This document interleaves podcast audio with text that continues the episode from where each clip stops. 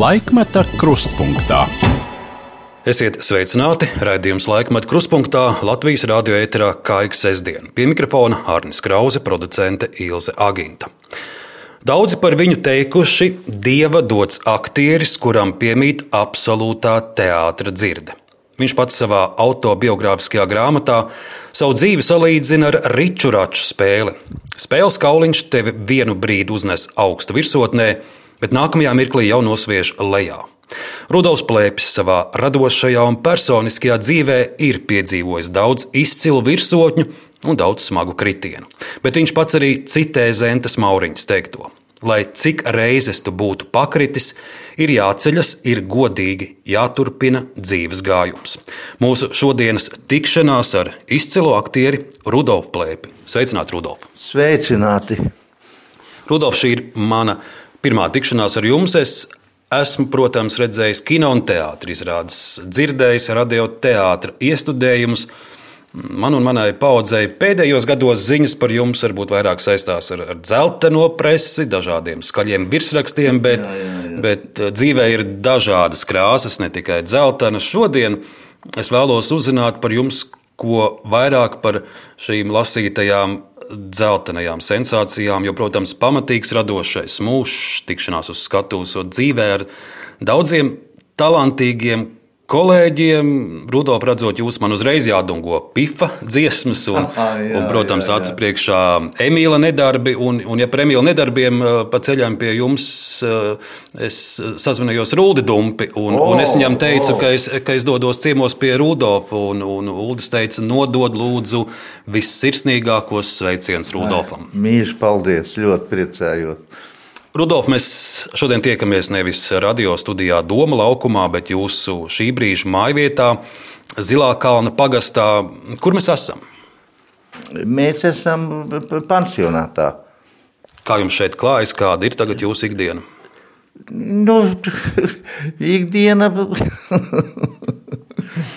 ikdiena tāda, grābstos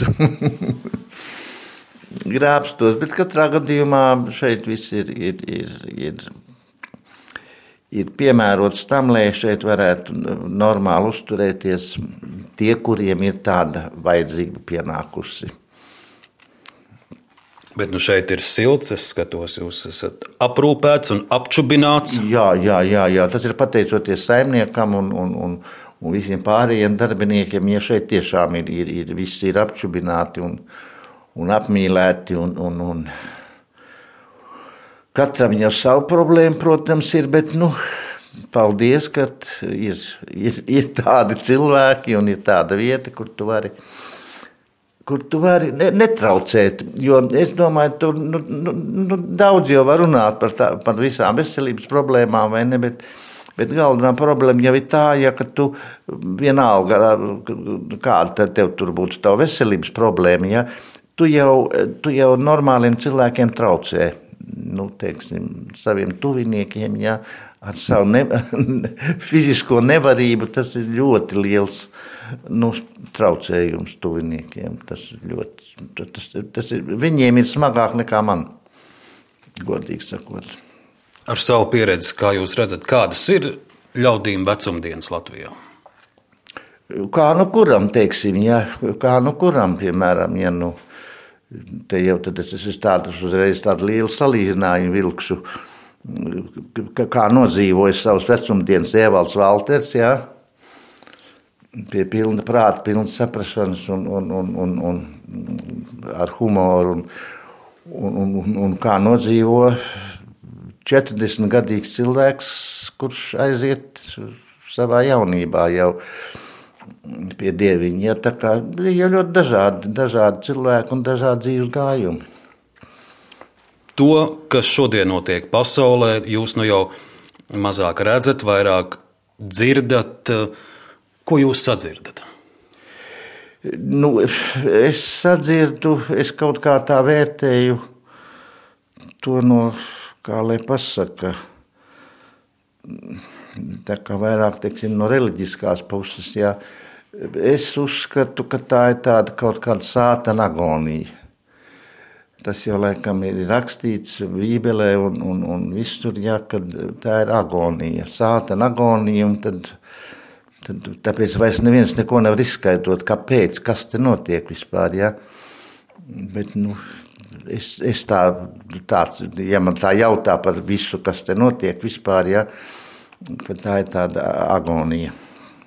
To jūs domājat arī par to, kas šobrīd notiek Ukrajinā? Jā, protams, protams, protams. Un tā nav pirmā reize. Tad es ļoti, ļoti es tikai klausos rādio, un, un es domāju, neviens nav analizējis, ka tā jau ir atkārtota e, Ukraiņu iznīcināšana. Par to ļoti maz runā. Es domāju, kāpēc. Jo pirmo reizi jau tas bija tas Golodomors, ja 33. gadā. Ja. Kāpēc? Kā, to neviens tagad neanalizē. Tā nav pirmā reize, kad notiek Ukrāņu iznīcināšana. Ja? Bet iemeslu neviens īsti nemin. Nu, min kaut kādus tur, tur, tur puķina, nezinu, kādas psihiskās novirzes vai kaut ko tādu. Ja? Bet tas jau otro reizi atkārtojās ar Ukrāņu tautu. Tas ir ļoti dīvaini, ka neviens šo jautājumu nav pacēlis. Šī nav pirmā reize. Un kāpēc abas slāvu tautas nevar, nevar sadzīvot? Kāpēc? Kā jūs atbildētu uz šo jautājumu pats? Nu, nu tā ir pirmkārt, tā ir, es saprotu, tā ir vēlēšanās atgriezt impēriju. Es to tā saprotu. Tā ir pirmkārt vēlēšanās atgriezt impēriju. Ja? Krievu impēriju atgriezt. Nu, tas jau vienmēr tā ir bijis. Ja? sākot ar Pēteru I, ja, kas, kas atvēra logu uz Eiropu. Tā ir tendence valdīt, valdīt. Tas jau. Kādi ir jūsu paredzējumi, ar ko tas viss beigsies, vai kā tas izvērtīsies tālāk?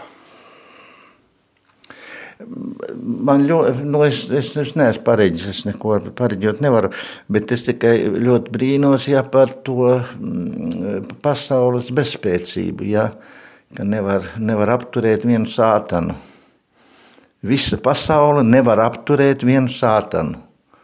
Tad jūs iedomājaties, kāds spēks ir mm, sātanam. Es to, es to uzskatu, ka tas ir sātana agonija viss, kas šeit notiek, kas vispār notiek, ne tikai Krievijā, Ukrainā, tagad notiek arī austrumu zemēs, ja viss tie kari, ja, tā ir agonija. Par dzīvi Latvijā, kas jūs iepriecina, kas satrauc, kādi vērojumi? Man iepriecina eh, tas, ka notiek ļoti daudz kas jauns. Pirmkārt, šie neskaitāmie jaunie teātri, jaunie mākslinieki. Man tas tā ļoti iepriecina, un es domāju, ka tas ir ļoti. Tas ir ļoti. Tas ir ceroši ļoti. Un tāpēc varbūt nevajag tik daudz nokārt degunu, bet ticēt un cerēt, ja? ka tagad nāk Ziemassvētki. Ja? Ticība, cerība, mīlestība. Vajag ticēt un cerēt, un, un, un, un tas palīdz piecelties, jo tā visu laiku nokārt degunu, tas jau neko nedod. Teātri, jaunos kolēģus, nu, šobrīd jūs pats vairs neredzat, bet jūs viņus dzirdat. Ko jūs savos jaunajos kolēģos sadzirdat? Nu, ļoti žēl, es tiešām neredzu. Uh, Es tikai kaut ko dzirdu, bet, nu, bet nu, tā, tie ir tik īsi fragmentiņi, ja, ka pēc tiem spriest, nu, es diemžēl ne, neuzdrīkstos spriest pēc tiem maziem fragmentiņiem, kas tiek pārraidīti par radio. Ja. Nu, katrā gadījumā nu, cilvēki cīnās, un, un, un es domāju, ka viss būs labi. viss būs labi. Jums pašam, nezinu, sapņos varbūt eh, vēl bieži ir tie mirkļi, kad redzat sevi uz skatuves, redzat sevi kādā lomā? Nē, nē, nē. Es, es sevi uz skatuves neredzu, bet es redzu savus eh, ļoti, ļoti bieži redzu savus eh, aizgājušos kolēģus. Man jau saka, tas uz laika maiņas. es ļoti bieži redzu Vijārtu, man ļoti bieži sarunājos ar viņu. Nu, tā, tā, tā. Bet tā sevi uz skatuves kaut, kā, kaut kādā koncertā redzēju. Nu, tie tie uzskaitās tādi, tādi rīta mūrgi. Tas jau nav nopietni, tie rīta mūrgi jau tādi. Jūs pats kādā sarunā esat teicis, ka viss mans skatuves mūžs ir bijis ļoti laimīgs. Jā, jā. Vai, vai jūs, Rudolf, tā varat teikt arī par, par visu savu dzīvi? Jā, es varu teikt. Es varu teikt, neskatoties uz, uz, uz, uz maniem teiksim, kritieniem, jā, es tiešām tā varu teikt. Jo vakar bija atbraukusi mana vecākā meita no Edinburgas. Mēs satikāmies, tas bija ļoti brīnišķīgi. Jā. Man jaunākā meita Viktorija dzīvo Latvijā. Viņa arī ir puspasauli izbraukāja, puspasauli tomēr atgriezās Latvijā. Vecākā meita aizprecējās uz Edinburgu un tur patreiz dzīvo. Un bija atbraukusi, vakar bija atbraukusi. Es jau smējos pie zobārsta. Uz Latviju pie zobārsta viņa bija atbraukusi. Un, un tā kā, jā, es, es varu teikt, neskatoties uz, uz nu, protams, uz, uz nu, ja sāksim tās, tās kļūdas analizēt, tad jau tad, tad, tad tā, tas viss tā tik drūmi izskatās, bet katrā gadījumā ir. Man, man ir tāda sajūta, ka mani kāds vienmēr pieceļ pēc klupiena. Man tāda sajūta. Jūs pats kā vērtējat, kas, kas ir bijušas tās augstākās virsotnes, ko jūs pats novērtētu? augstākās virsotnes man ir, ir bijuši mani bērni un mazbērni. Tās ir tiešām bijušas manas dzīves augstākās virsotnes. Es tagad atceros tās fotogrāfijas, ja, kad pirmo reizi dzemdību namā turēju uz rokām astriņu ja, un, un, un, un pēc tam eh, Viktoriju. Un viss, kas saistās ar maniem bērniem, mazbērniem un manu ģimeni, tas man ir viskaistākais un vislaimīgākais dzīves notikums. Un ja par tiem iekritieniem, ja laiku ratu varētu pagriezt apkārt un, un, un tajos kritienos kā tādu drošības spilvenu palikt apakšā, lai kritiens ir mīkstāks, kuri būtu tie brīži? Tie, tā ir ļoti liela problēma. Savā laikā mēs ļoti draudzējāmies ar Antu Lietskalniņu. Un tad mēs braucām uz eh, Torņkalnu baznīcu pie, pie Jūra Rubeņa. Un tad, eh, tad mēs ar Antu Lietskalniņu pēc dievkalpojuma ar viņu mēdzām aprunāties tā tīri cilvēciski par dažādām problēmām un par, par visu to, kāpēc kāpēc ir tie kritieni, klupieni. Un, un, un, un tad es atceros, ka Juris Rubens ļoti, ļoti interesanti. Viņš izrādās arī ir ļoti liels teātris mīlis, un man liekas, pat jaunībā viņš ir teātris spēlējis, cik es atceros. Jā, pat, pat tā esot bijis. Un tad mēs, mēs jautājām viņam, ja, kā tas ir, ja, kad, kad tu skatuves, vai tu vispār drīksti spēlēt otru cilvēku. Jo es zinu, ka krievu pareizticīgie, es esmu saticies ar, ar, ar jauniem cilvēkiem, kas ir krievu pareizticīgie, viņi ļoti nosoda aktieru profesiju. Viņi nosoda, viņi man atklāti ir, ir, ir pilnīgi brukuši virsū. Viņi to sauc par licijēju kā tagad latviešu to tulkosim, ģīmju taisītāji, ja, vai kaut kā tā, viņi uzskata, ka tu nedrīksti e, iemiesoties citā cilvēkā. Ka tas ir grēks, ka to drīkst tikai Dievs, ka tu jau pārņem Dievu. Faktiski aktieris grēko, pārņemdams Dieva funkcijas, tēlodams citu cilvēku, to, kas viņš nav. Un, un ir viena daļa, kas uzskata, ka, ka aktieru profesija ir eh, visgrēcīgākā profesija, jo viņi atļaujas pārņemt dievu funkcijas, teiksim, ja pēkšņi tēlot citu cilvēku. Jo tu nedrīkst. Nu, ir jau, ir jau tā, tautas austrumos, kas, kuriem aizliedz fotografēties, aizliedz gleznot. Jūs ziniet, ja tur to. Nu, tas ir no, tā paša, no tās pašas operas. Jā. Bet jūs tāpat arī vērtējat, ka ir bijuši brīži, kad tas aktiera darbs, aktiera mūžs, tas vezums ir bijis, kas uz jūsu pleciem nu, pārāk, pārāk smags, nevienmēr var, varēsi panest. Nē, es tā nevaru teikt. Es tā nevaru teikt. Man, man vienmēr ir bijusi tāda sajūta, ka, ka man tas ir bijis jādara, un, un paldies Dievam, man tas nav bijis sloks. Man tas bija tikai prieks, un, un vēl lielāks prieks, ja kaut kas izdodas. Ja man tas sloks nav bijis. Un tāpat man nav, tagad, mm, man nav tādas nostalģijas vai, vai depresijas sakarā ar to, ka vairs nav teātris. Ja. Es domāju, nu, tas ir loģiski, nu, kas bijis, tas bijis. Un, un man nav tāda, tāda, tāda skumja vai, vai nostalģija. Man, man nav. Rudolf, prieks to dzirdēt, ka, ka nav skumjas, jo es šodien šeit uz Ilo kalnu jums atvedu dažādas ierakstus.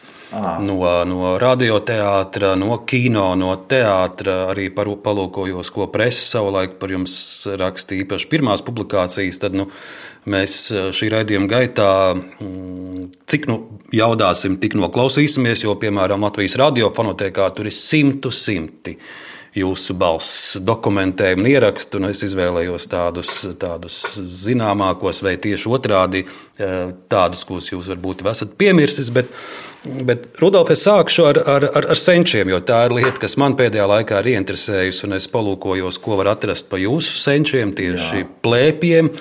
Nu, jūs esat uh, tāds kārtīgs lietuvietis. Es redzu, ka mhm. gan vecā māte, gan vecais tēvs, Juris un Anna, viņi ir dzimuši uh, šauļos un biržos, un tālāk viņu senči ir uh, Petras un Staņislavas un Darata un Samulis. Tie visi ir lietuvieši. Tad viņi 20. gados pārceļās uz Latviju, un kas ir interesanti, varbūt jūs to zinājāt, bet es skatos viņu pases. Tas pirmais uzvārds ir, piemēram, jūsu vecstāva brālim Staņislavam. Viņš ir Staņislavs Pļāpa, un tad viņš lūdz iekšlietu ministriju, lai Pļāpām nomaina uzvārdu uz plēpiem. Tā, tāds ar fakts ir dokumentēts. To, to es nezināju. To es pats uzzināju, kad uh, savu uzvārdu tulkojumu. Es uzzināju no savu lietuviešu aktieru kolēģa, kurš, kurš man iztulkoja, ko nozīmē faktiski mans uzvārds. Jo līdz tam es nebiju īsti nekad tā pētījis. Teiksim, jā. tā kā pa tēva līniju jūs esat tīrs lietuvietis. Jā. Nu, no mammas tad es esmu balodis. Un vēl viens tāds, tāds francisks uzvārds ar jums ir mammas senčos. Jā, Mizona. Es kādreiz domāju, es ne, nu tā jau, viņš, viņš jau bija latviskots. Man, man vecmāmiņa pirms precēšanās bija Mizonas. Nu, nu latviskot izrunāja Mizonas, bet es tā sāku klausīties, ka tas ir tiešām franču vārds. Mizona, maison, tas ir, tas ir, tas ir franču vārds. Bet kā viņš tur ir gadījies, to es, to es nezinu. Ja reiz mēs par, par, par senčiem, par vecākiem, tad uh, par tiem pirmajiem soļiem teātrī. Es saprotu, tā interese sāk rasties jūsu trīs istabu dzirnavielas dzīvoklī, kur viena istabiņa bijusi ar tādu kā paaugstinājumu, atgādinot teātras skatu. Jā, un tad jūs jā.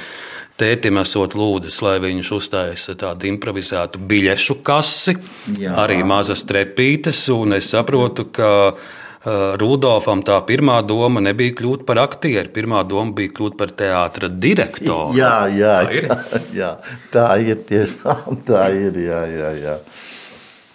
Papam apakšā bija. Nu, tā, tas bija tāds īpatnē istaba, jo mm, pusi istaba bija mm, pacelta, tāpēc, ka apakšā bija caurbrauktuve. Hmm. Un līdz ar to pusista bija pacelta, lai, lai, lai varētu izvietot to caurbrauktuvi. Uz kurien tā caurbrauktuve ved, es, es, es nesapratu. Jo mēs tur kā bērni spēlējāmies tajā sētā. Es īsti nesapratu, kur, kur, kas tur varēja braukt pa to caurbrauktuvi. Bet nu, tā tāda bija. Un tāpēc tā pusista bija pacelta uz augšu. Rudolf pirmais mūsu arhīva ieraksts būs no 1982. gada. Tas ir kinožurnāls Pionieris. Valsts jaunatnes teātris svin 40 gadu jubileju, un te ir arī stāsts par to, kā aktieris Rudolfs Plēpis atceras savas pirmās lomas. Tad nu, paklausīsimies. Atcerieties, Buratīno! Es, es gāju 9. klasē, 9. klasē, un man ļoti švaki gāja matemātikā. Un otrā, kurš no jums otrā vidusskolā mācījās? Atcerieties tīrumu. Un tīrumu izsauc un saka plēpī, kā pie tāfeles divi sēdieties. Un tagad nu, man ir liela loma Buratīno, man jānes piecas naudiņas uz skatuves. Un es tajā laikā aizbraucu viesizrādes ar Buratīno uz divām nedēļām pa Latvijas laukiem. Pazūdu no skolas, atbraucu atpakaļ un Liepin tagad divi, nu, uz otru gadu. Domāju, šausmas, tāds kauns. Uz otru gadu es nekad mūžā nepalikšu. Pareizi plēpi. Īsts vīrietis vienmēr par savām sekmēm cīnās kā lauva. Citādi jau tu te nebūtu nokļuvis. Nu, tā saka Karlsons Versingievska. Jā. Šeit uh, kadros redzēt, jūs sēžat pie galda teātrī. Tā ir tas kāds svinīgs pasākums, jums apkārt ir kolēģi, un jūs stāstat par savu iespējams vienu no pirmajām lomām, Buratino, kuras dēļ faktiski draudēja palikšanu uz otru gadu. Es tā saprotu. Jā, jā, jā, jā, es visur dabūju, kur vien varēja, tur bija divi. Nu, ja aizbrauc no, no, no, sko, no mācībām uz divām nedēļām, nu, tad iedomājieties, kas tur var būt vispār. Jā. Buratino ir tā, tā viena no pirmajām lomām. Vai? Nu, lielajām. Nu, nu, cik, nu, cik nu liela tā bija? Vienkārši es sēdēju zālē ar abecīti un, un, un, un, un pārdevu Buratino abecīti. Versinga Jevska bija Buratino. Es viņai pārdevu to abecīti. Tas arī viss. Tur nekāda loma nebija. Pirmā lielā loma man bija, tas jau bija 64. gads. Tā bija pirmā izrāde tiešām ar lomu Pāvila Zēni bija, bija tāda ungāru luga, Pāvila zēna. Tur nu man bija. Tie tiešām tur nu bija pirmā loma. Tas bija skolas teātrī. tī? Nē, nē, nē tas bija jaunatnes teātrī. Tur bija, bija jāspēlē bērni. Bet jums jau tad bija 15 gadi, tikai 14. 14 gadi lesiks, es, spē, es spēlēju lesiku. Un, un tā kā līdz, līdz mūža beigām Imants Krasniņš man uzrunāja tikai par lesiku. Jo viņš arī tā izrādē spēlēja. Viņš arī bija tikko kaut kā ienācis teātrī tajā laikā. Nu, mēs vienkārši nu, bēr, izmantojam bērnus, nu, lai, lai būtu tāda ticamība. Ja? Tad mēs tur lēkājam par to skatu. Tā bija pirmā loma Lesiks, tā Ungāru luga, Pāvila zēni. Tā bija pirmā loma, un tad, un tad, un tad, un tad mēs vēl ar, ar, ar skolas draugu Artūru no pamatskolas tad iz, vienā izrādē Zos Spalva. Mums bija ļoti cēls uzdevums izrādes finālā uznest uz skatuves noplūktu zosi. Tā bija tā, bija tā otrā man, mans izgājiens uz skatuves. Un tad, ko tad es vēl tur? Ā, es kaut kādas vēlniņas spēlēju mājā un pājā. Mēs bijām tāds skolēnu aktīvs. Toreiz bija populārs teātrī, tāds skolēnu aktīvs, kas sadarbojās ar skolām. Ar vārdu sakot, nu, ieinteresēja skolas nākt uz teātri. Faktiski tas bija ļoti svētīgs, svētīgs darbs. Skolas vienmēr bija kontaktā ar teātri. Vienmēr teātris bija pārpildīts, vienmēr bija, bija toreiz jau biļešu cenas bija 20 kapeikas. Ja? un, un, un, un tad bija tāda draudzēšanās ar skolām, un līdz ar to arī tas jau arī tā izglītoja teiksim, bērnus. Ja? Bērni mīlēja jaunatnes teātru, nāca bieži. Tas jau bija tāds, tāds, tāds labs, labs pasākums, ar ko es arī nokļuvu jaunatnes teātrī, tā sakot, caur to skolēnu aktīvu. Rudolf, es uh, palūkojos arī, kad pirmo reizi jūsu vārds ir pieminēts radio, uh, kino, televīzijā vai presē, un pirmo reizi, nu, cik es atradu, mm, Rudolfa plēpja vārdu var izlasīt laikrakstā dzimtenes balss 1969. gada 12. septembrī. Un šeit ir raksts koncerti okeānā, un arī mazs citāts. Šī ziņa redakcijā pienāca no tālā Atlantijas okeāna, no jūras arājiem, peldošo bāzi, zivju pārstrādes fabriku Frederiks Šopēns, no Tallinas, kas strādā siļķu zvejas vietās Atlantijas ziemeļaustrumos, apciemoja komjauniešu un jauniešu Jā. koncertu brigāde no Izglītības kultūras tehnikuma koncerta brigādes dalībnieku vidū arī Rudolfs Plēpis. Un te ir Rudolfs Plēpis, kurš stāsta par saviem iespaidiem, kas šis bija par koncertu braucienu okeānā.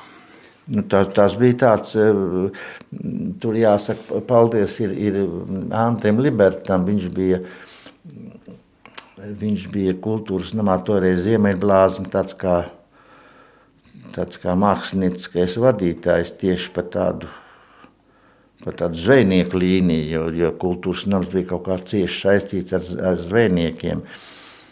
Un tā bija faktiski viņa ideja norganizēt šādu brigādi. Ja. Tā bija viņa ideja. Un tad mēs, cik mēs bijām pieci, laikam pieci. Nu, un tad mēs tur veselu mēnesi braukājām pa Atlantijas okeānu, un mūs cilāja no kuģa uz kuģa ar tādu, tādu lielu tīklu, jo viņi tuvāk nevarēja viens otram piebraukt okeānā, lai nesasistos. Tad mūs pārkāra pāri tādu gumijas riepu ar tīklu. Mēs rokām ieķērāmies tajā tīklā, ar kājām uz tās gumijas riepas, un tā mums pārcēla no kuģa uz kuģa. Un tā mēs koncertējām veselu mēnesi. Atlantijas okeānā. Nākamā publikācija, kur Rudolf jūs esat pieminēts, ir jau 1976. gadā laikraksts Literatūra un māksla. Un šīs publikācijas autore ir kritiķe, teātris zinātniece Silvija Radzobe. Vai jūs pats atceraties eh, savu pirmo kritiku, kuru jūsu loma ir vērtēta? Es laikam droši vien es neatceros. Es tik zinu, ka mēs spēlējām. Es jūs piespiedīšu mīlēt Raini. Gunārs Priedu uzrakstīja speciāli mūsu kursam tādu diplomu darbu izrādi. Un, un es spēlēju tādu vaļerku, krievu. Un, un, un tā kā es jau bērnībā biju, man, man nekādas problēmas nebija ar krievu valodu. Vispār. man nebija jāmācās krievu valodu. Ja. Un es spēlēju tādu, tādu vaļerku. Un es atceros, ka man liekas, ka Silvija Radzobe bija uzrakstījusi recenziju par šo mūsu diplomu darbu izrādi. Bija, bija tāds teikums, es varbūt es tagad vārds vārdā ne, nepateikšu, bet teikums bija tāds, ja, ka nu, vispār ļoti labs aktieris, tikai žēl, ka krievs. Jo es runāju tik perfekta krievu akcentu. Ja? Viņi nodomāja, ka, ka es esmu krievs. Nu, žēl, labs aktieris būtu, bet krievs. bet šajā publikācijā, kas ir 76. gadā, Silvija Radzoba raksta par izrādi Buratino piedzīvojumi muļķu zemē, un arī Rudolfa citāts. Buratino piedzīvojumi ir ļoti nopietni izrādi, tāpēc, ka ar mums uzreiz vienā vakarā grib runāt 19 jauni cilvēki, kuri pirms četriem gadiem izvēlējās un iestājās konservatorijas teātra fakultātes pirmajā kursā. Un tad ir garš apraksts par izrādi, un es gribu nocitēt šo vietu. Kad uz skatuves parādās Rudolfa plēpja Runcis Bazilio, nav iespējams no viņa acu novērst. Nāk prātā Staņislavska vārdi Vai jūs pazīstat tādus aktierus, kuriem vajag tikai parādīties uz skatuves, un skatītāji viņus jau mīl? Par ko? Par skaistumu, bet bieži tā nav par balsi, nereti arī tās trūkst par talantu. Tas nevienmēr pelna apbrīnu. Par ko tad? Par to nenotveramo īpašību, ko mēs saucam par pievilcību. Tā ir visas aktiera būtības neizskaidrojama pievilcība, kuram pat trūkumi pārvēršas ieguvumos. Šo īpašību sauc par skatuvisko pievilcību, un es to attiecinu uz Rudolfu Plēpi. Tā 76. gadā raksta Silvija Radzobe. Es pirmo reizi to dzirdu, lai, lai Silvijai, kā, kā lai pasaka, Dievu mieras debesu valstībā, žēl, viņa ļoti ātri aizgāja Nu, mēs, tā, tā bija tāda kārtējā mūsu diploma darba izrāde, tur jau jāpasaka paldies arī manai kolēģei Ilgai Tomasei, kas spēlēja lapsu Alisi, jā, un, ta, un ta mēs godīgi sakot, mēs ar Ilgu, mēs atklāt, mēs ampelējāmies, jā. Mēs visi bijām ietērti tādos triko mm, treniņu tērpos, Un no tā, nu, no tā kostīmiņa tur bija tikai tāda, man tāda, tāda kaķa vestīte, un, un vispārējais bija triko. Un, un tad mēs tur tā ar, ar Ilgu Tomasu, mēs atklāti ampelējāmies, jā. Nu, tā jau jums jau jaunais aktieris, 26 gadi. Tikai. Jā, tā mēs ampelējāmies ar Ilgu, un, un tas, kas Ilvija to ir tā uztvērusi. Nākamais būs uh, fragments no kino žurnāla Māksla arī 1976. gads, un Rudolf, eh, vismaz eh, cik es eh, meklēju un atradu, šī būs pirmā reize, kur jūs esat filmēts. Un tas būs fragments no režisoras Annas Lācis 85 gadu jubilejas. Tur ir jubilārs atmiņu stāstījumi, un jūs lasāt Linārda Laicēna veltījumu Annai Lācei. Paklausīsimies! Viss apgūlis senlaiku zālē. Starp kolonu rindām un lustrām, uz marmora tāpelēm zeltā visapkārt bija vārdi ar slonga. Mūžs īs mums, es domāju, sēdot, tu ienāci zālē. Tu mirdzošās senlaiku zālē, kur sapulcē bijušais graujams.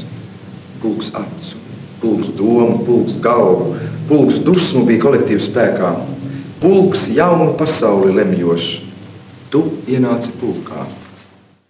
Šeit jums ir 26 gadi, un diezgan gari mati, kāda nu, tajā laikā bija modē. Jā, jā. Un, un šis sanāk jūsu pirmais eh, kino dokumentējums. Pirmo reizi to dzirdu. Un pirmo reizi uzzinu, ka tāds ir vispār filmēts. Bet jūs neatceraties, ka bijāt tādā jubilejas vakarā? Nē, nē neatceros. Pilnīgi neatceros. Ja nu Rudolf neatceraties pirmo kino darbu, tad varbūt būs prātā kaut kas no eh, pirmajiem Latvijas radio darbiem. Latvijas radio teātrī eh, es skatos, ka pirmie ieraksti jums ir 1977. gadā. Tie ir darbi Nešaujiet baltos gulbjus, romāns vairākos turpinājumos, arī garš radio lasījums Debesu dēls, un eh, arī darbs divās daļās Eskadras bojāēja. Vai, vai šos atceraties? 77. gads. E, ziniet, es šos es neatceros, bet es atceros 1962. E, gadu, kur mēs kopā ar Antu Klintu rakstījām tādu kādu, kādu pulciņu dienas grāmatu. Un es pirmo reizi mūžā satikos ar Antu Klintu. Viņi, tur, viņi runāja vecmāmiņu, Un mēs tur, kas tur mēs bijām, eh, un, un Juris Podnieks tur bija, jā. Juris Podnieks bija, kas tur vēl bija, Rasma Vēze bija. Un tad mēs kopā ar Antu Klintu spēlējām tādu kā tādu pulciņu dienas grāmatu. Un, un tā bija pirmā tikšanās ar Antu Klintu. Man tā Tad tā reāli, bet tas bija 62. vai 63. gads. Diemžēl tajos laikos vēl netika nekas jā, saglabāts. Jā, bet, netika saglabāts. Bet tas pirmais darbs, kas, kas radiolentēs ir arhīvā palicis un kur mēs arī šodien varam atskaņot, ir uh, Trujā Anrī darbs, debesu dēls, un tad nu, Rudolf arī mazs fragments. Anatols Filatrs bija bēdulīgs cilvēks. Pēc izskata gadu 40. Viņa bālās seja bija šādā salipināta ap pamatīgi būvēto prāvo degunu, acis apaļas un rāmas kā papagailim. Viņš nesāja ūsas, kuras karājās uz leju figūru iekau veidā. Šī detaļa ķīniešu gaumē tad arī bija iemesls, kāpēc viņu iesauca par debesu dēlu.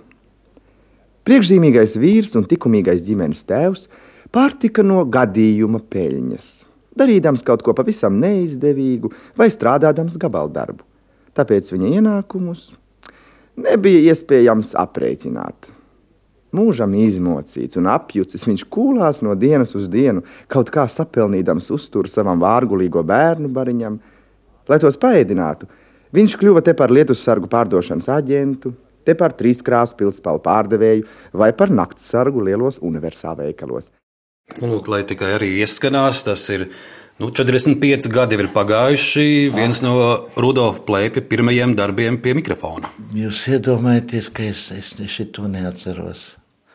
Es, es, es, es tiešām neatceros. Kāda jums ir bijusi sadarbība ar radioteātri? Es jau minēju, ka ieraksti ir simtu simtu, un tādēļ ir saprotams, ka varbūt tos tie pirmie jau varbūt Nē, ir pagaisuši. Nav simti. Man eh, valde Zilvers paziņoja, ka man ir pār par tūkstošu ierakstiem. Ar visām dziesmām, es, pavisam noteikti. Cik, viņš saka, Viņš esot apskatījies arhīvā, tu, saku, tēti, mīļais, nu, kurš to var atcerēties? Ja, nu, tie nu, sīki no epizodes droši vien, tā nu, ne jau viss liels loma. Nu, es skatījos vismaz četras dienas no vietas radio, no rīta līdz vakaram var spēlēt tikai jūsu ieraksts un programma būtu piepildīta. Dievai, dievai, dievai, ne, es, šito, es, šito, es, es šito neatceros. Es, es atceros mm, Jāzepu un viņa brāļus, mēs ierakstu, to es atceros, tā kā es, uz skatuves nesu spēlējis, bet rādio es esmu nospēlējis Jāzepu un viņa brāļus. Jā. No radio ierakstiem es vēlos šodien jums un klausītājiem atskaņot vēl vienu fragment. Tas ir 1986. gada raidījums. Aktiera Rudolfa Plēpja radioportrets, raidījuma autors Gunārs Streimanis, raidījuma vadītājs Gunārs Jakobsons un piedalās arī jūsu kolēģe Dina Kuple fragments. Vai, yeah. Rudolfs Plēpis ir viens no savas paudzes vistalantīgākajiem aktieriem. Es viņu pamanīju jau tad, kad viņš bija vēl students, un ievēroju galvenokārt tādēļ, ka viņam piemīt dabas dota organika jeb dabiskums. Šī īpašība nepiemīt visiem aktieriem. Daži aktieri to arī tā neiemanto līdz mūža galam, un vienmēr ir jūtams, ka viņi mazliet tēlo uz skatuves, jeb kā mēs sakām, spēlē.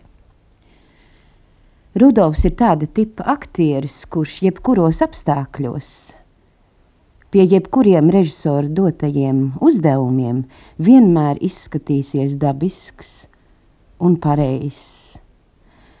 Es domāju, ka viņa vēl tāda īpaša vērtība ir tā, ka viņa aktieriskā amplitūda ir, manuprāt, neierobežota un vēl neizmantota, kā jau tas notiek ar vienu otru aktieri. Viņš var būt gan komiķis, brīnišķīgs, gan arī līrisks, viņš var būt asraksturotājs, un viņš, manuprāt, var būt arī traģisku lomu tēlotājs.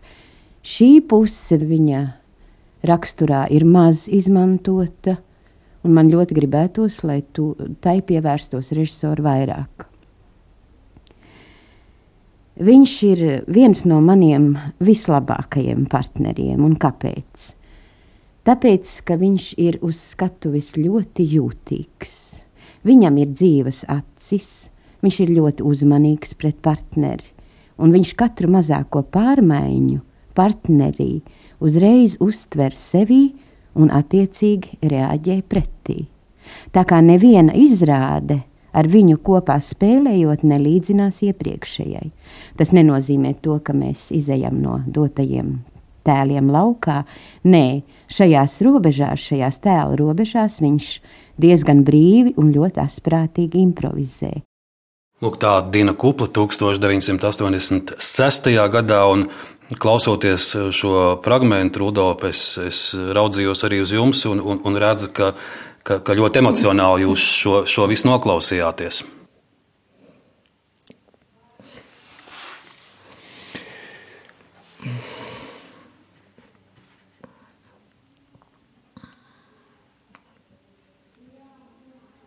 Tā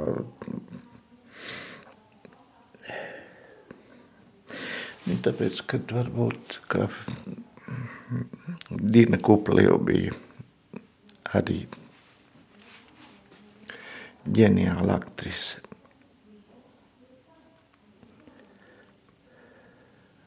Kā cilvēks brīnišķīgi. Tagad pirmo reizi to dzirdu. Un,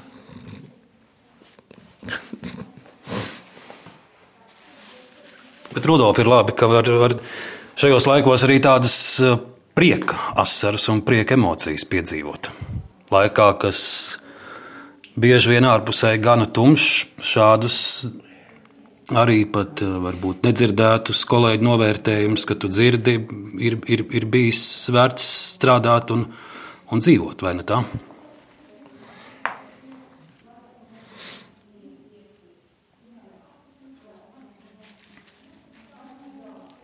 Jā, es atceros, ka mēs, ko mēs iestudējām mežu. Ādams Šapīra iestudēja Austrauska mežu. Tā bija tāda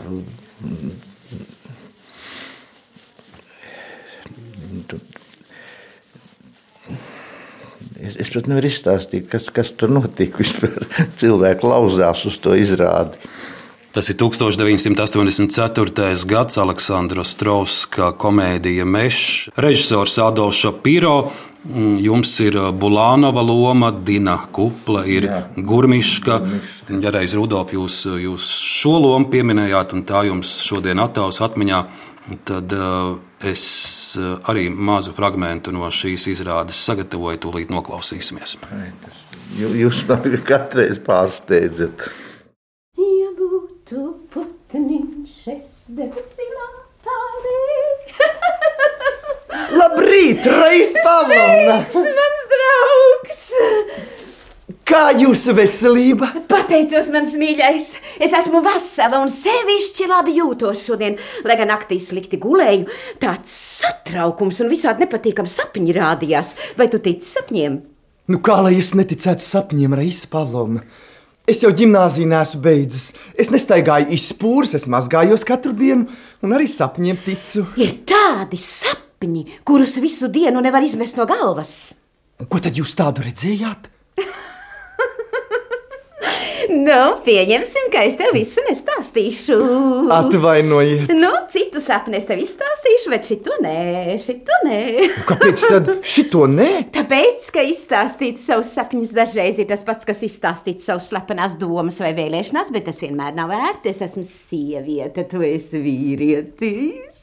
Un kas par to, ka es esmu vīrietis?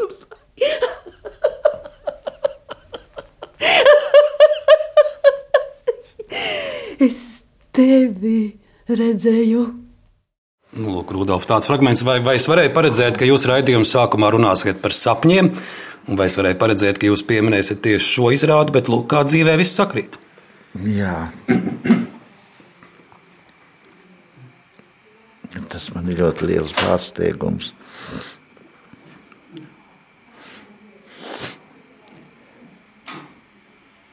Ar ko jums ir šis darbs prātā, kādēļ jūs viņu pieminējāt?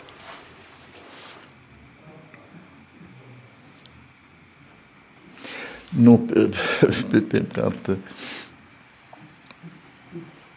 nu, bija brīnišķīgi. Mani, mani kolēģi tur jau bija ne tikai Dina Kupla, tur bija Edgars Liepiņš, Uldis Pūcīts, Imants Krastīņš un, un Un vēl, un vēl, un daudzi izcili Rudolfu jūsu teātra kolēģi, ar tiem jūs esat arī ticies filmēšanas laukumā, un turpmākajās minūtēs es vēlos pieminēt arī jūsu darbus kino.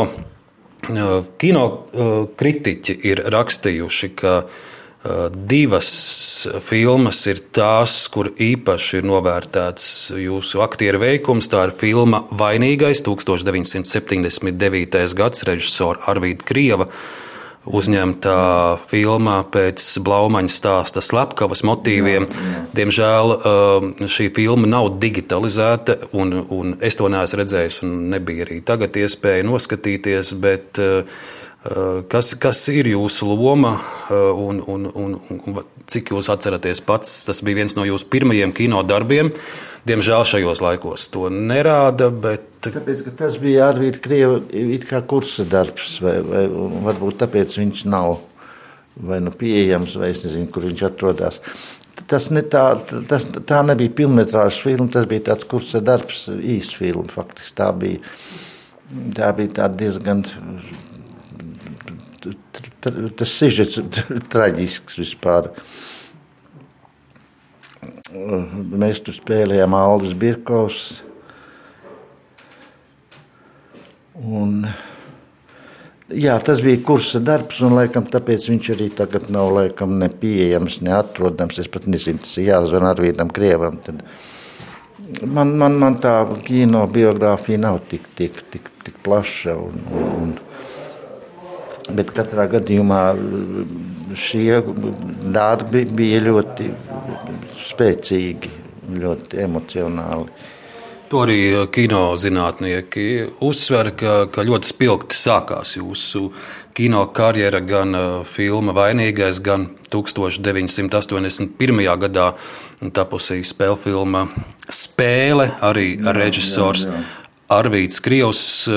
Pirms mēs runājam par šo filmu, lai ieskanās arī viens mazs muzikāls fragments no šīs filmas Mārtiņa Brauna mūzika. Kamēr tu šo spēli spēlē, kamēr tu šo dzīvi spēlē vien, tava kaila un veselīte, purvu brīvām. Tātad dzirdam Mārtiņa Brauna dziesma par spēli. Un um, 82. gadā pēc mikrofona aptaujas balsojuma tā kļuva par uh, tā gada vienu no populārākajām dziesmām. Bet, uh, Šī filma ir pēc Zigmunda Skoņa romāna Kailums. Uh, motīviem tapusi un stāsti par to, ka Kaspars, kur atveido Rudolfs Plēpis, uh, dienu padomju armijā, Cik es no tā filmas ievada saprotu, tā ir Afganistāna tajā brīdī jā, jā. dokumentēta, un, un arī filma ir filmēta Vidusāzijā. Jā, jā. Un šis Kaspars uh, raksta vēstules uz Latviju. Atbraucot uz Latviju, viņš pēc fotografijas mēģina atpazīt meiteni, ar kuru ir sarakstījies. Nu, tāds tas stāsts, un interesanti, ka epizodēs redzam arī Adolfu Šapīro, Ievu Akurātere jā, jā, jā. Un, un citi. Nu, arī uh, šī Kaspara loma tiek vērtēta kā, kā viena no jūsu izcilākajām. Un, un, uh, kādas jūs tagad atmiņas par šo darbu? Nu, es, es atceros, ka Zigmunds Kuņa romāns bija traģisks. Un tajos gados eh, visu kūrēja Mosfilms, protams. Ja. Visu kūrēja Mosfilms, un viņiem, viņiem nepatika mm, šīs filmas traģisms. Faktiski es saprotu, ka viena trešdaļa lika izņemt un jā, pārmontēt. Jā, jā tur, tur, tur notika lielas, lielas graizīšanas, jo bija atbraucis viens no Maskavas kaut kāds kurators. Un eh, viņš teica, noskatījās tur, to, ko viņš tur noskatījās. Neatceros, kurā, kurā brīdī viņš skatījās. Un viņš tik man teica, ka ну не надо так, не надо так, надо добротный фильм. Un tad tā filma tika sagriezta un samocīta, lai iznāktu dobrotnē, bet faktiski tā bija Zigmunds Kuņš bija uzrakstījis traģisku par meliem, ja? cik tālu noved meli. Cik tālu noved meli. Līdz traģismam noved meli, bet nu, tas nebija toreiz vajadzīgs padomju kino, ja? Un līdz ar to tā filma bija ļoti samo, samocīta, es uzskatu. Un vēl maz fragments no filmas. Šeit eh, jūs esat vienā epizodē kopā ar Ārijas Tūrnieci. Drīkst pavadīt? Man? Nu, protams, ja jūs kādu gaidāt. Nē, Džuljets solies man pavazināt ar laivu. Nu, kā tad jūs te dzīvojat? Tā nekas. Bet četras vienā istabiņā. Nu, tas pagaidām. Jūs esat optimiste. Un jūs ne? Jums ir izteikts optimistu rokraksts. Jūs esat redzējusi manu rokrakstu? Ko jūs? Nē, es domāju, pārnestā nozīmē dzēnieku rokraksts. Ah. Un te es saprotu, arī filmēšanas vietas viena no tām arī Valmiera Jā, un stāsts jā. par Valmieras stikla šķiedras rūpnīcas eh, meitenēm, jaunajām darbiniecēm. Jā, jā, jā, jā, jā. Viņš, viņš, viņš, nu, viņš zem sveša vārda.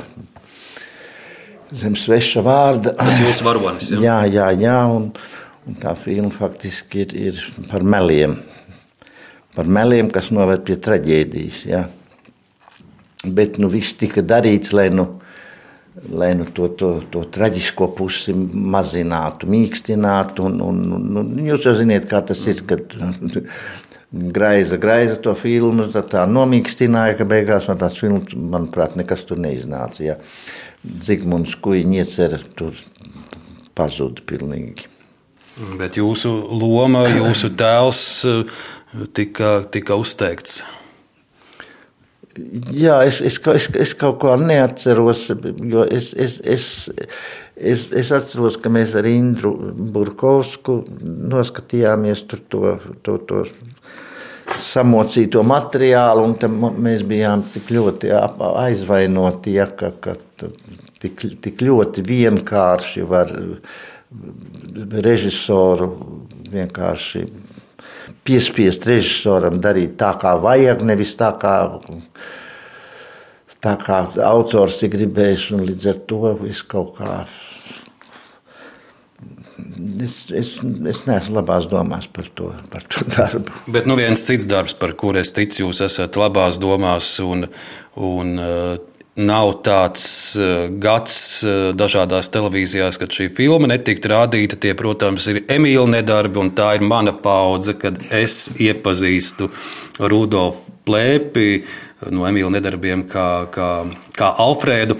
Tad, nu, tur ir citāts pēc citāta, ko no šīs filmas varētu ņemt. Lūk, viens tāds mazs, ko es izvēlējos. Paklausīsimies.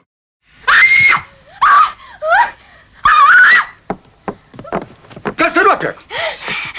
Bļausties? Es viņu atkal redzēju. Ko? Žurku. Tādu. Kurā vietā? Pirmo reizi man taisn pār ģīmi.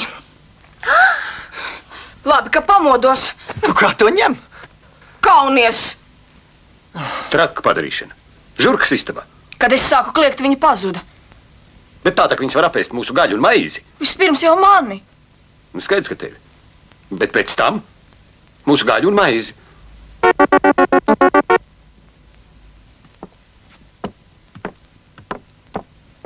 Ja nu es nebūtu pamodusies. Alfred! Kādas tev kājas?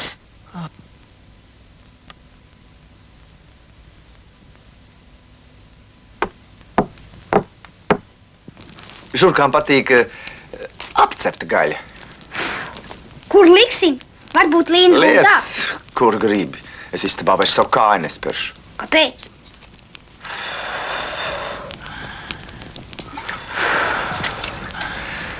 Viņa ir tik sīkumaina. Un galdo kā vīrs. Jā, viņas vīram būs grūti.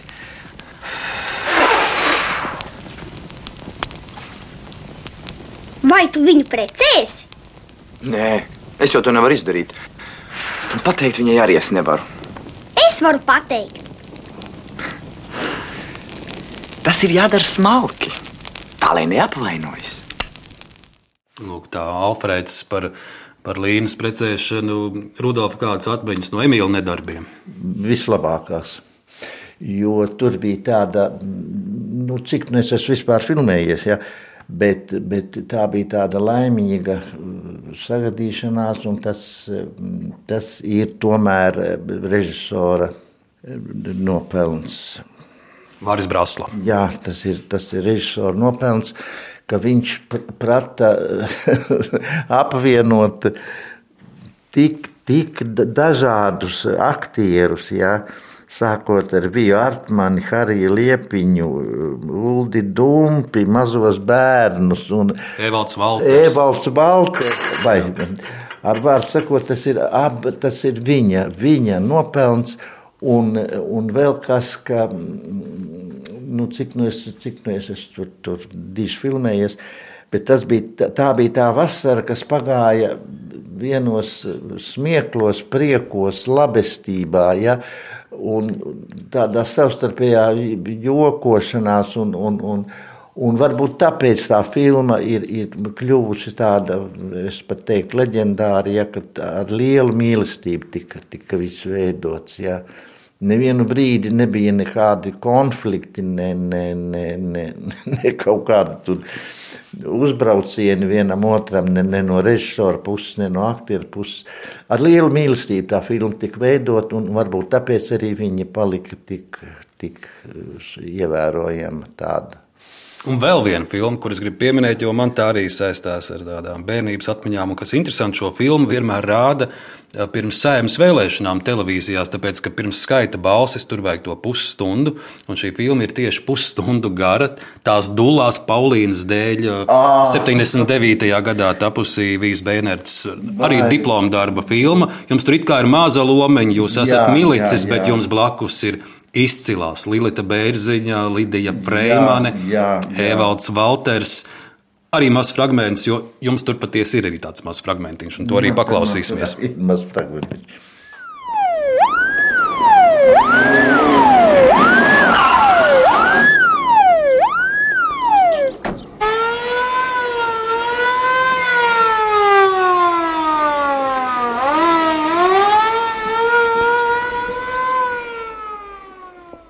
Nu, tā tā. Sāksim no gala. Jā. Kāpēc jūs to darījāt? Milis, mīļotēli, pasak tagad godīgi, kas ar mums abiem, abām būs. Domāju, ka cietušajiem ir pamats jūs iesūdzēt tiesā. Jā, Izlasiet un parakstiet, lūdzu. Pamats. Nu, te mēs dzirdam Lidiju Freimanu, arī Lilita Bērziņa. Droši vien arī šāda filmēšanās paliek atmiņā uz mūžu ar tādām. Un man te ir šajā sakarībā man ir jāsaka mm, vislielākā pateicība Vijai Beinertei, jo to daudzi nemaz nezina. Kā mūsu izcilos aktierus sākot jau ar, Edgar, ar Edgars Liepiņu un, un, un, un, un daudziem izciliem teātra aktieriem, nefilmēja. Kāpēc? E, da, dažādu iemeslu pēc. Es tik atceros, ka Vija Beinerte bija tā, kura e, viņa bija tā kā, tas bija viņas diploma darbs, man pat liekas, vai kursa darbs tā filma viņa uzdrošinājās filmēt mm, Lilitu Bērziņu, kuru neviens nekad nefilmēja. Un tikai pēc tam Jānis Streičs limuzīnā. Pēc, tas, tas bez, daudzi to nemaz nezina, ka mūsu izcilo Lilitu Bērziņu nefilmēja dēļ viņas. Viņai bija tāda mutes maniera, viņa tā runāja.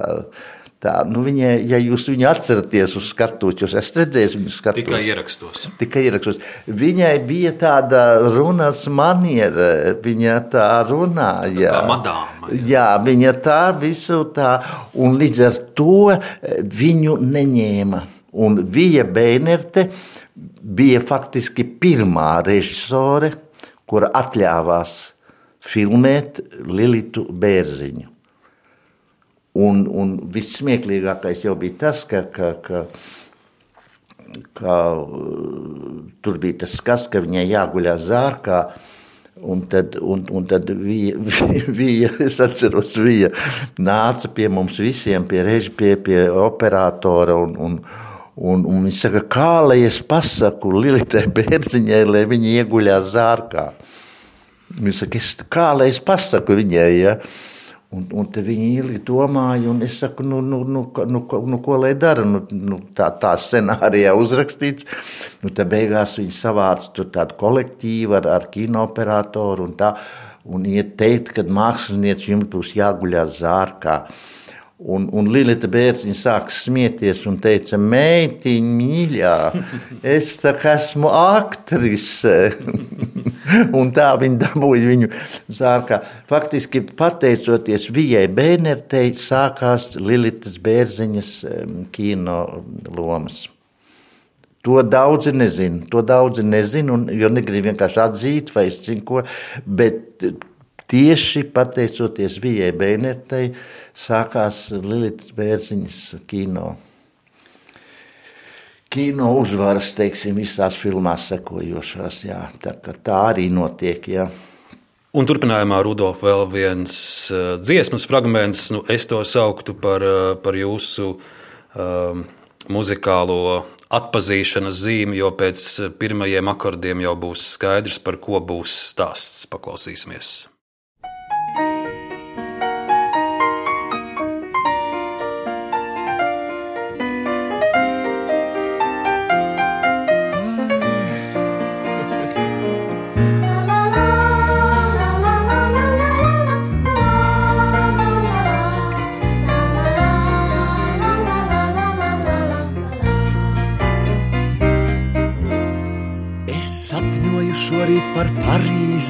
Par pilsētu brīnišķo, kas sarkanos vīnogu ķekaros, ķekaros dzirksteļo. Es sapņoju šorīt par Parīzi pilsētu brīnišķo, kas sarkanos vīnogu ķekaros, ķekaros dzirksteļo. Šis Rudolf ir 89. gada ieraksts Latvijas radio studijā kopā ar Dzeguzīti Pīfa. 83. gada ieraksts. Šis ir 89. bet pirms tam ir bijuši arī vēl citi. Bet pipa piedzīvojumi tie, tie arī jūsu dzīvē ir blakus jums bijuši. Jā, tas arī bija ļoti. Bet šis ir 83. gada 22. janvāra nakts ieraksts. Tad es vēl pārbaudīšu, jo, jo bērni pierakstīti pēc tam ir klāt. Ah, ah, skaidrs. Bērni pēc tam ir pierakstīti klāt, jo tur bija situācija tāda, ka Ivaru Vīgneru nelaida radiofonā. Mhm. Tur bija konflikts viņiem ar, ar, ar, ar Raimonu Paulu, bija konflikts. Nu, tas uz mani neatiecās, bet katrā gadījumā Ivars Vīners netika ielaists radio. Un, un, un viņš man piezvanīja, viņš saka, naktī jāieraksta pifiņa dziesmas. Es ierakstīju viens bērnu, jo tur nebija pa nakti. À, tad skaidrs, tie bērni ir pierakstīti vēlāk. Pierakstīti klāt, Daila Martinsona pierakstīja viņus klāt. Un mēs ierakstījām naktī pa kluso. jo, lai, lai, jo viņš nedrīkstēja rādīties, Ivars Vīgnes nedrīkstēja rādīties radio. Nu, tas ir tāds, tāds vēstures brīdis, ko daudz pat nezina. Daudz vairs nezina, jā. Bet, bet nu, tas ir pateicoties tieši Ivaram Vīgneram un, un Jānim Peteram, protams, vārdi bija. Tie rakstīti Leļa teātra izrādē un bija Jāņa Petera jubilejas vakars, cik viņam bija 50, man liekas, toreiz. Un vārdi bija uzrakstīti Leļu teātrī izrādē, un nebija kas, kas ne, nebija muzika. Un tad, kā tur sanāca, vai, vai, vai, vai Peters pats, vai kas to, kas to viņa jubilejas koncertu organizēja, palūdz Ivaram Vīgneram, un Ivar, Ivars Vīgners bija viens no tiem retajiem, to arī daudzi nemaz nezina, ja? Es arī to nezināju. Viņš bija viens no retajiem mūziķiem, kuram bija absolūtā muzikālā dzirde. To, nu, to tagad daudz tā, nu, kur tā vairs nepieminu neatcerās. Viņam bija absolūtā muzikālā dzirde. Un es nekad nebiju dziedājis pirms tam vispār. Es nezināju, ka es varu dziedāt. Un viņš atnāca pie manis uz māju. Man mājās bija mm, klavieres pianīno Rīga. Un viņš piesita ar vienu pirkstu un saka, nu dziedi. Es saku, ko dziedi? Viņš saka, nu dziedi. Un viņš bez notīm, viņam nošu nebija vispār Ivaram. Un viņš spēlēja un es sāku dziedāt. Rudolf, ja par dziedāšanu, lai vēl noskan šodien viena dziesma, tās nosaukums, lai skan, ierakstīta Latvijas radio 2006. gadā. Tajā mēs dzirdēsim Rudolfu un Viktoriju plēpjus, un arī dzirdēsim Guntis Krastiņu. Lai skan! Jā, lai skan.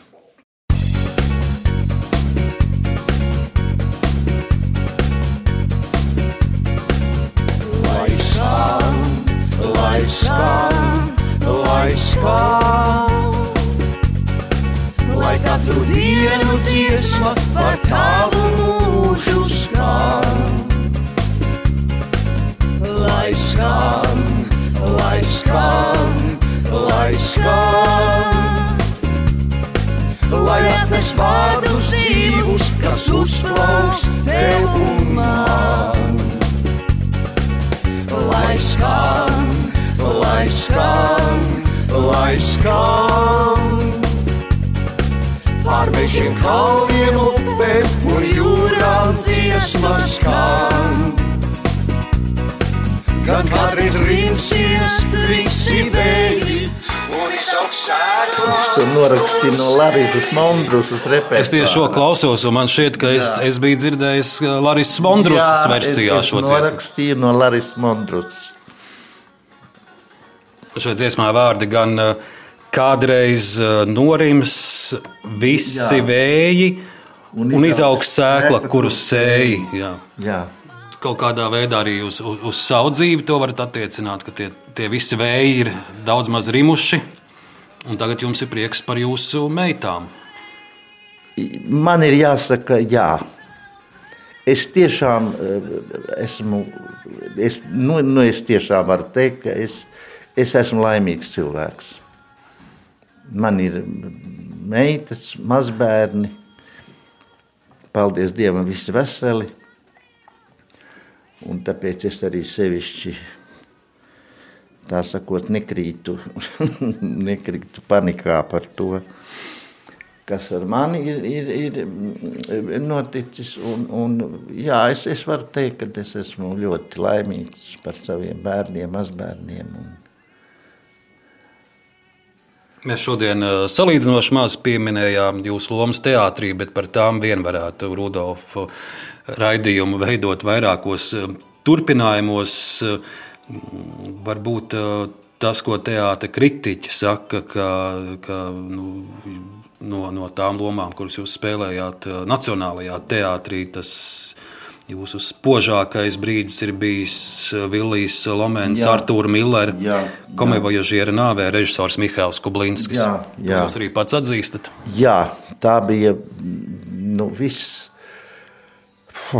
Kā lai pasakā? Nu, Kādā intervijā jūs pat uh, esat teicis, ka pēc nospēlēšanas, izrādes nospēlēšanas, bija tā, ka nav bijis spēka no krēsla piecelties un noiet no skatuves. Jā, jā, tā bija. Tā bija. Un, un tas bija tāda, ir tāda laimīga sagadīšanās. Man daudz reizes tā ir bijis. Ir, ir, ir, ir brīnišķīgs ansamblis. Mēs bijām tiešām mēs bijām tā kā ģimene. Mēs tiešām bijām tā kā ģimene, un mēs arī jutāmies tā. Tāpēc arī varbūt tā izrāda kaut arī ļoti smaga. Bet nu, tur jau ir autora nopelns, protams. Tur, tur neviens vārds nebija ne jāstrīpo, ne jāpieliek klāt. Tur bija viss tik precīzi uzrakstīts, viss, ja, ka tur tikai atlika nospēlēt. Ja. Uldi grāmatā simts izcili Latvijas aktieri, kuri mums ar tepat uz galda ir. Es skatos, jūs esat starp Eduardu Pāvulu un Uldi Pucīti no Jā. izcila kompānija.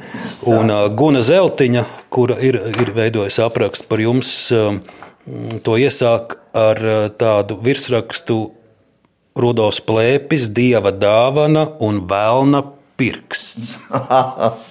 nu jā, nu jā, nu jā. Te, teātris mūžā ir, ir, ir gan dieva dāvāns, gan arī tas vēlna pirksts, Jā. ju, justs. Ja? Jā, jā, jā, jā, jā, jā, jā. Bet tie stāsti, lai paliek. Nu, tas, ir, tas ir atkal tas ir, tas ir garš, garš stāsts, bet, bet, bet katrā gadījumā tik runājot par to. Par to, teiksim, par to vēlna pirkstu. Ja, mēs pēc kāda dievkalpojuma ar Antru Lietkalni aizgājām pie, pie Juri Rubeņa un, un jautājām, kāpēc tā notiek, ja tā tie, tie, tie pacēlumi un tie kritieni, ka, kāpēc tā notiek, ja, nu, nu, vai tā nevarētu būt tā skaisti, lēzeni un, un mierīgi. Un tad viņš ļoti interesanti pateica tādu domu, es to pirmo reizi dzirdēju. Viņš teica, jūs jau esat kā tādi sūkļi tu to lomu sevī uzsūci, ja? un tu viņu nospēlē, un tu esi tukšs. Un tad, kad tu esi tukšs, tad nu rodas tas vēlna pirksts, tā vēlēšanās, ah, jāierauj graķītis, ah, šausmīgs tukšums ir pēc, pēc, pēc, pēc, pēc, nu, pēc kā līdz ar godīgi nospēlētas lomas, patiesi tā, tā teiksim, nospēlētas lomas, ir, ir absolūts tukšums, un tas velk uz to uz to vēlna pirkstu, to, to, to jāierauga raķītis, bišķi, lai atnāk enerģija atpakaļ. Tas ir. Bet, nu, miers ar to vēlnu. Jū... Sūklis, jāatjauno sūklis, jā. Rudolf, es jums teikšu lielu paldies par uh, mūsu šodienas satikšanos, par, par uh, jūsu darbu. Mēs mazus maz fragmentus tikai dzirdējām. Paldies arī par, par jūsu atklātajiem stāstiem. Un uh, mēs tiekamies pirms trešās adventas. Dabā šis laiks ir, ir salīdzinoši tumšs arī jums pagaidām. Acu priekšā varbūt Jā. tā tumsa vairāk nekā gaismas šobrīd, bet uh, Bet eh, redzot jūsu labestību, vai jums būtu arī kāds tāds gaišs un iedvesmojošs vēlējums eh, mums visiem šajā Ziemassvētku laikā, šajā Baltijā laikā? Es jau es tā, man to bieži, bieži jautām, es, es atceros, un, un vienmēr es saku, nē, es, es tomēr norunāšu Rudolfu Blaumani kuram arī nu, Viņam neviens dzējolis nav eh, izdomāts Rudolfam Blaumanim. Daudz pat nezina, ka Rudolfam Blaumanim ir dzējoļi. Es biju tik pārsteigts, ja, ka man saka, kā Blaumanim ir dzējoļi. Es saku, jā, un daudzi nezina. Visi tikai domā, ka viņam ir skroderdienas cilmešos. Mm un, un, un, un kas tur vēl. Un tad viņam ir tāds, tāds nu, es labāk nepateikšu, kā viņš, ka viņš ir teicis, viss svin smagās bēdas, žēlabas, kas grauž un ēdas, visa melnā nelaime, kas draud, jāpārcieš un jānoraud. Vieniem lemtas miera mājas, citi dzīves vidū stājas, meklēt prieka, bēdas, ko tā rieš, jānoraud un jāpārcieš aktieris Rudolfs Plēps. Rudolf, milzīgs un sirsnīgs paldies jums šodien par sarunu. Paldies! Radījuma autors Arnēs Krause, producente Ilza Aginta par skaņu rūpējās Reinis Budze. Turpiniet klausīties Latvijas radio.